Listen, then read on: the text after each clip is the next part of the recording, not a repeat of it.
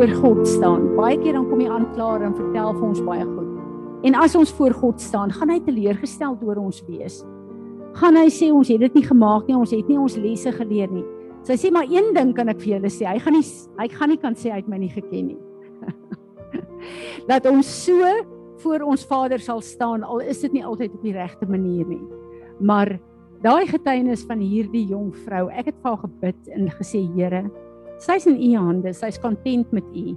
Maar my hartsbegeerte is dat u haar kragtadig sal genees en dat hierdie getuienis wat die wêreld ruk op hierdie stadium 'n getuienis sal wees van die grootheid en die oorwinning en die genesing van Golgotha wat ons weet wat 'n realiteit is. So wat van haar gaan word, maar ek dink daar's baie stemme wat opgegaan het in gebed en vra gebid het. Goed. Uh ek wil vir julle sê, ver oggend staan ek op 'n plek wat vir my so 'n lekker en 'n goeie plek van oorwinning is. En uh, ver oggend vroeg uh, uh bid ek saam met iemand. En die manier wat die Here met hierdie persoon praat en haar begelei en die skrif en die antwoorde en die is vir my so wonderlik om te weet. Want dis wat die Here met ons ook doen. En ek is op 'n plek waar ek baie versigtig is om te sê die Here sê want die afgelope tyd het ek 'n verklaring in boldness gemaak van ek glo die Here het vir my gesê Sas gaan gesond word en hy het nie gesond geword nie.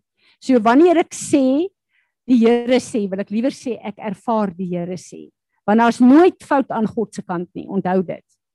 Wat ook al gebeur, moet ons nie probeer verduidelik nie, maar daar's nooit fout aan die kant van ons God nie. Dit moet ons net weet. In elk geval, ehm um, ek is deur 'n baie baie slegte tyd. Baie baie slegte tyd die afgelope seker 2 weke uh waarvan Sas se dood was regtig waar vir my 'n uh, baie baie slegte situasie is. Altyd vir my sleg as ek saam met julle stap deur slegte goed om uh, saam met Ems uh, uh, uh dit is net eenvoudig vir my uh moeilik. Daar's sekere goed wat vir ons moeilik is en ons kan hoe geestelik wees, hoe na aan die Here wees. Dit bly vir ons moeilik. Want dis nooit Vader se perfekte wil vir ons nie. Dood was nooit in God se plan vir die mens gewees nie. En al die trauma wat daardeur gaan. Maar ek het ook die afgelope tyd is ek in counselling met mense wat ek letterlik bedien. Maar dis as ek klaar die woord gebring het, dan gaan hulle na maar wat nou hiervan? Wat nou hiervan? En dan besef ek hulle hoor my nie. Hulle hoor nie die woord nie. Jy kan die waarheid bring, maar hulle hoor dit nie. Nadat jy nou 'n uur of 2 spandeer het om te counsel. En dan dink jy hier is die deurbraak en dan gaan hulle terug en sê, "Maar wat nou hiervan?" En dan besef ek al hierdie goed het niks niks gewerk nie. En ek sit met hierdie ding in my hart en in my gedagtes en ek sê vir die Here, Here, ek kan nie vir mense iets doen nie. Dis net U deur my wat vir mense iets kan doen. En ek besef een van die dinge wat vir ons almal 'n realiteit is, is die realiteit waarin ons lewe. Ons wat hier sit, is almal uitverkoop aan die Here. Maar hier's 'n realiteit buite vir al die plekke waar ek en jy moet staan waar die mense nie die Here wil ken nie, waar hulle hom nie ken nie, waar die Here nie deel is van hulle lewe nie. En dan wanneer ek en jy kom met sekere waarhede uit die woord uit, gaan hulle maklik vir jou sê, "Ja, maar kyk 'n bietjie wat se realiteit." En ek het 'n bietjie daaraan gedink, oor gedink. En ek voel die Here sê vir my, die realiteit vir my is, vir jou is dat ons duur gekoop is met die bloed van Jesus. Dat ons hemelinge is wat 'n aardse ervaring het. En my realiteit is wanneer ek instap in 'n situasie waar daar 'n geweldige traumatiese chaos is as gevolg van COVID en ek stap daarin dan is die realiteit oor my Jesus Christus en sy oorwinning. En ek kom in daai chaos in en ek bring die realiteit van Jesus daar en ek gee nie om wat is hulle opinies nie.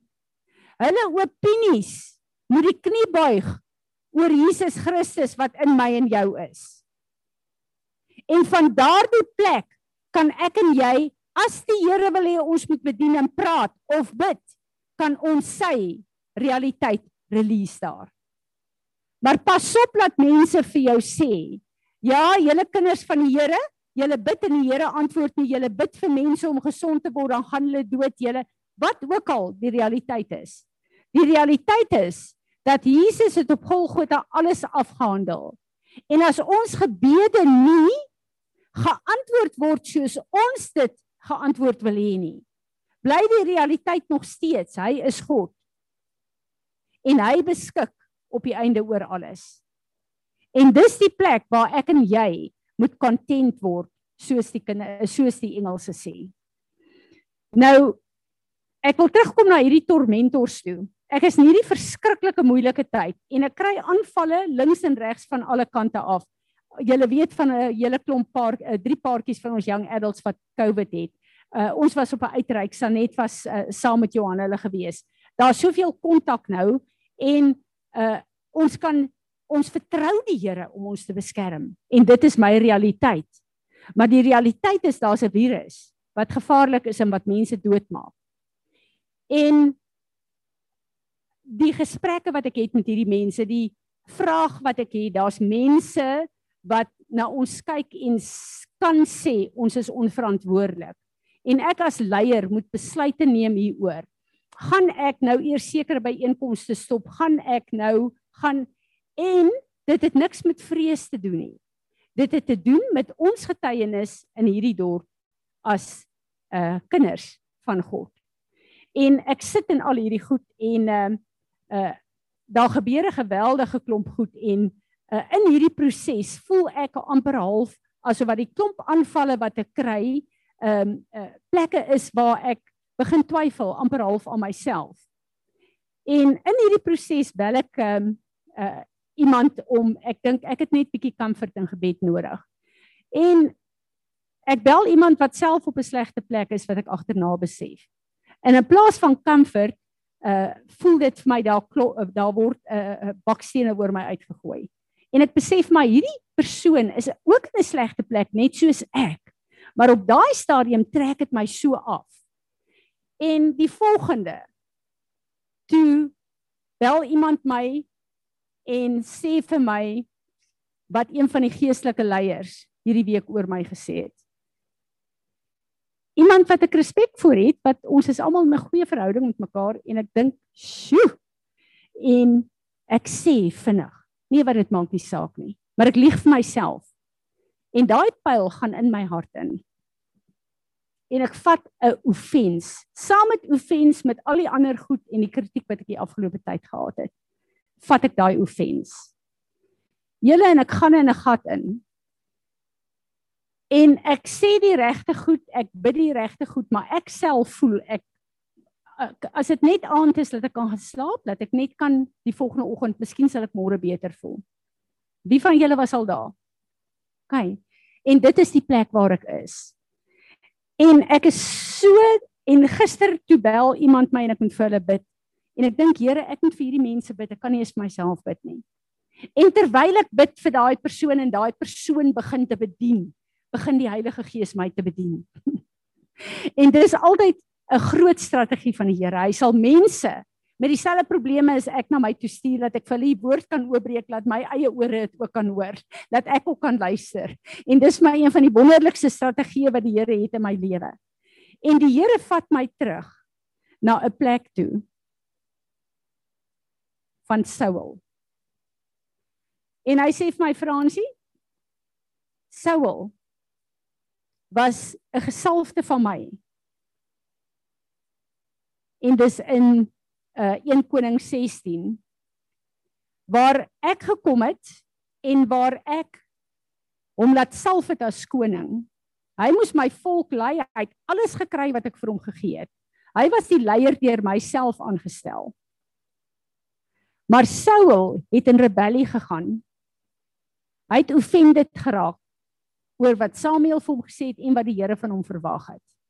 Hy het offens toegelaat in sy lewe. En toe sy in rebellie teen God. En toe hy hierdie mense moes doodmaak en die vee alles moes doodmaak, toe besluit hy nee wat hy wil darm nie hierdie rykdom nie, hy wil darm hierdie klomp rykdom en hierdie geld en hierdie beeste en hierdie skape en hierdie goed. Hy sal al die mense in die goed doodmaak, maar die goed wat waarde het wat waarde tot sy rykdom kan voeg, dit wil hy nie hê nie. En hoekom dit wil hy nie doodmaak nie. En hoekom het hy dit gedoen? Want die woord sê daar dat Samuel het die opinie van mense hoor geag wat die mense van hom gaan sê as wat God van hom sê. En die Heilige Gees sê vir my Fransie, jy die opinie wat hierdie man van jou het hoor geag as my opinie oor jou. Jy het onmiddellik in die plek ingegaan van jy's nie waardig nie. Jy's nie 'n goed genoeg leier nie. Uh uh mense kan niks van jou kry nie. Jy al die klomp goed wat die tormentors my mee kom torment het, het ek toegelaat. Want ek het toegelaat dat mense se opinies belangriker word as God se opinie oor my. En die woord sê daar in 1 Konings 16 dat tormentors wat God gestuur het, het Samuel, ag het Saul begin torment. Op so 'n plek dat as jy lees in die ander vertalings dat hy mal geword het, dat hy gek was van al hierdie stemme, al hierdie goed wat hom aangekla het, al hierdie goed wat te kere gegaan het oor hom, omdat hy in rebellie teen God is, offens in God gevat het en die opinie van mense hoor geag het as God se opinie oor hom. En in daai plek, die enigste wat kan help is wanneer jy gekonnekteer word met worship aan God. Want dan moet elke knie buig en elke tong bely dat God alleen die autoriteit het. En ons ken die storie waar hy vir Dawid ingebring het en waar Dawid vir hom moes speel sodat hy kon ehm um, uh uh oorleef. En ek het besef met hierdie offens wat ek toegelaat het in my lewe. Waar ek gemaak het of dit my nie plan nie. Het dit tormentors oor my oopgemaak. Wat my torment het tot op die plek waar ek dink dat alles wat ek gedoen het tot op hier toe as geestelike leier niks werd is nie. Wat ek gedink het, God kan nie deur my werk nie. Wat ek gedink het, miskien is dit tyd vir my om terug te staan. En waar hierdie tormentors aangegaan het. En die Here vat my na die woord toe en hy sê vir my: Saul het nie repent om bekeer en terug gegaan na die Here toe nie. En hierdie tormentors het hom tot op 'n plek gebring waar hy fisies selfmoord gepleeg het. Hy het in sy swaard ingeval. En die Heilige Gees sê vir my as ons nie deel met offens en onvergewensgesindheid nie, gaan die tormentors ons op 'n plek bring waar ons geestelik selfmoord pleeg. En hulle gaan ons verwyder van God en God se roeping vir ons en vir ons lewe. En wat vir my totale amazing ding is, is terwyl ek na hierdie goed kyk en terwyl hierdie tormentors so met my besig is. Ek en hierdie persoon, hierdie leier het 'n geskiedenis al. Paar plekke wat hy my uh oefend het.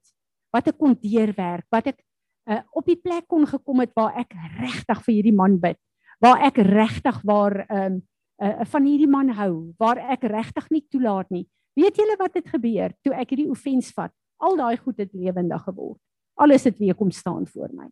Ek moes weer elke liewe woord wat hy in al hierdie jare my mee gekonfronteer en beledig het het alles weer gehighlight en het weer so lewendig geword soos die oomblik toe dit gedoen is. En ek besef, ons praat baie keer van tormentors. As ek en jy van God se teenwoordigheid verwyder word, dink ek is hierdie een van die hoofoorsake. Kyk wat staan daar tussen jou en iemand anders. En weet julle wat? Ek besef dis nie die moeite werd nie. En meeste van die ouens wat teen my en jou praat en teen ons kom, hulle weet dit nie eers nie. Hulle voel vere vir waar ek en jy is. So die vyand doen nie iets in hulle lewe nie. Hulle is net die vyand se instrument om 'n deur in ons lewe te hê. En die oomblik as ons daai deur laat toemaak, jy stil sit in daai tormentors. En weet julle wat is die realiteit? Die realiteit is ek en jy het meeste van die tyd rede om oefens te vat. Ons het meeste van die tyd rede. En as jy die storie vir iemand gaan vertel wat nie in 'n geestelike plek is nie, gaan hulle jou opsteek en sê jy behoort hierdie persoon aan te vat. Want daar is 'n rede, 'n wettige reg. Dis wat meeste van die tyd gebeur. En ek sit met iemand wat 'n probleem het in in 'n werksituasie wat toegelaat het dat offens na haar toe kom. Ek kyk met verstomming hoe die vyand haar emosies gebruik en soos 'n jou jou met haar speel. Haar emosies beheer haar lewe op hierdie stadium omdat sy offens toelaat. My emosies het my hierdie afgelope tyd regeer. Nie God se gees nie. My emosies. En ons weet dat wanneer jou emosies oorneem, is een van die eerste dinge waarna ons gaan selfbejammering. Ons is baie jammer vir onsself. En iemand het eendag gesê selfbejammering is die duiwel se baba sitter. En dit is so. Die oomblik as jy jouself begin jammer kry omdat jy dink jou waarde is gekoppel aan ander se opinies en oor uh, ander se omstandighede. Die oomblik wat jy daar is, is jy in die moeilikheid. En ek sien ons het nog heelwat tyd. Ek gaan na hierdie plek toe ook gaan. Ek voel net dat die Here sê vir my ons is so maklik en dit is nodig op 'n plek waar ons kan rejoice in God se baie seëninge oor ons lewe. Kyk net sa iets goed met ons gebeur. Julle ons is hier. Maar as daar iets sleg gebeur dan sal ons hiernatoe. En as ons omstandighede gaan toelaat om ons geluk te bepaal. Dan gaan dit die storie van ons lewe wees. En dan gaan ons baie keer sterk wees om vir die Here te werk, maar ander kere wil ons wegkruip in die hoop niemand sien jou raak of niemand bel jou nie. Totdat daar dalk nou weer iets goed gebeur, dan sê jy weer hier.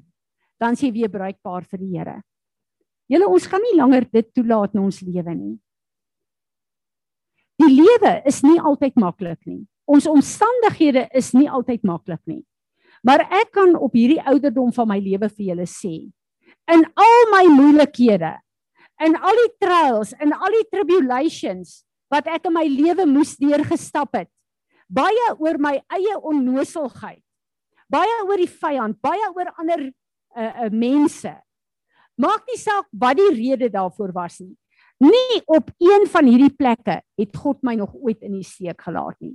Hy het nog altyd deurgekom. Hy het nog altyd my omstandighede wat sleg is gebruik om my te bekragtig en te versterk vir die volgende plek waarheen ek gaan. En dis 'n realiteit wat ek en jy moet onthou. En ek dink aan hierdie plek. Praat ver oggend ook met iemand. Net nadat 'n groot deurbraak en 'n seëning is, breek al die hel los. Wie van julle is daarvan? En dan dink jy, waar is my seëninge nou? Waar is dit nou? Wat gebeur nou? Hoekom bly dit nie daar nie? In Openbaring 12. Ek wil hierdie gedeelte vir julle lees. And a great sign, a wonder, a warning for future events of ominous significance appeared in the heaven, a woman clothed with the sun, with the moon under her feet, and with a crown like garland, a tiara of 12 stars on her head.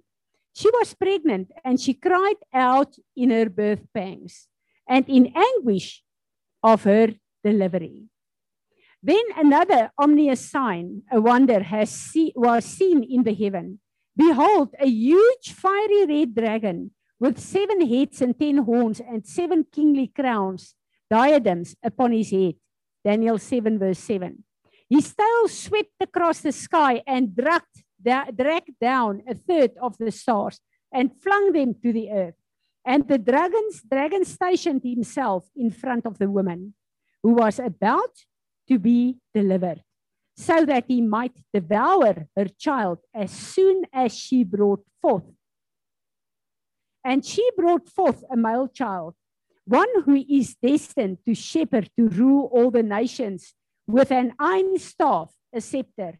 And her child was caught up to God and to his throne. And the woman herself fled into the desert, the wilderness, where she has a retreat prepared for her by God, in which she is to be fed and kept safe. And the huge dragon was cast down, and out that age old serpent, who is called the devil and Satan, who, he who is the seducer, the deceiver of all humanity the world over. He was forced out of out and down to earth, and his angels were flung out along with him. Nou wil ek vir julle sê, ek en jy is die kind wat gebore is. Want toe ek en jy wedergebore is, is ek en jy weer Jesus op aarde. En die vyand se planne is om ons te vernietig. Want dit wat Jesus voorgesterf het om hierdie aarde en die koninkryke van die aarde terug te bring na hom toe, word deur my en jou gedoen. En die vyand sit in wag Die oomblik as ek en jy geseën word deur geboorte te gee aan goed wat God deur ons wil vestig. Daai oomblik wil hy ons doodmaak. Kom ons lees verder hier. Revelation 12. When the dragon saw that he was cast down to the earth, he went in pursuit of the woman who had given birth of the male child. Heel eerste as ek en jy geboorte gee aan God se seëninge, dan agtervolg die vyand ons om ons te vernietig. Want hy wil nie hê dat God op aarde verteenwoordig moet word nie. But the woman was supplied with two wings of a, gi a giant eagle so that she might fly from the presence of the serpent into the desert, the wilderness, to the retreat where she is being kept safe and fed for a time and a time. En ons profeties weet dat die oomblik as jy na God toe vlug, dan sê jy in sy name is 'n sterk sterk toring. Die oomblik as jy in sy teenwoordigheid kom, is jy veilig van hierdie aanvalle van die vyand. Maar dan is hier 'n belangrike ding en ek lees dit en dan wil ek iets sê wat vir my amazing is wat Perry Stone ek quoteer hom. Then out of the mouth of the serpent spouted forth water like a flat after the woman that she might be carried off with a torrent. Wat gaan hier aan? 'n Draak spoeg vuur om te vernietig. Hierdie draak wat die duiwel is, water kom uit sy mond uit. Water kom net uit die troon van ons God wat dan aan ons gekonnekteer is. Wat is hier in die gang? En Perry Stone kom en hy sê hy het 'n studie gemaak hiervan. En uit die studie studie met al die woorde in Hebreëus kom hy agter. Ons sien nou die vyand kom, hy wil jou doodmaak in die eerste plek. Hy vervolg jou die heeltyd. Maar dan kom hy met hierdie water wat uit sy mond uitkom. En weet julle wat is dit? Dis kinders van die Here wat gees vervuld is wat water uit hulle uit moet laat kom wat saamstem met die vyand en waar die vyand kinders van die Here kan gebruik om mekaar af te breek te beskinder en te kritiseer en dit het so 'n krag in die kerk want dis waar die divisie van die kerk vandaan kom ons gee vir die vyand met alles wat in ons is as wedergebore kinders van God wapens om ons in ons woorde te gebruik om teen God se seëninge te kom in mekaar se lewens en hier op aarde. Is dit nie amazing nie? En ek het onmiddellik het ek gesê Here, ek kom humble myself. Ek kom vra vergifnis. Elke plek waar ek gepraat het teen u kinders en teen u leiers. En ek wil hierdie gedeelte mee afsluit.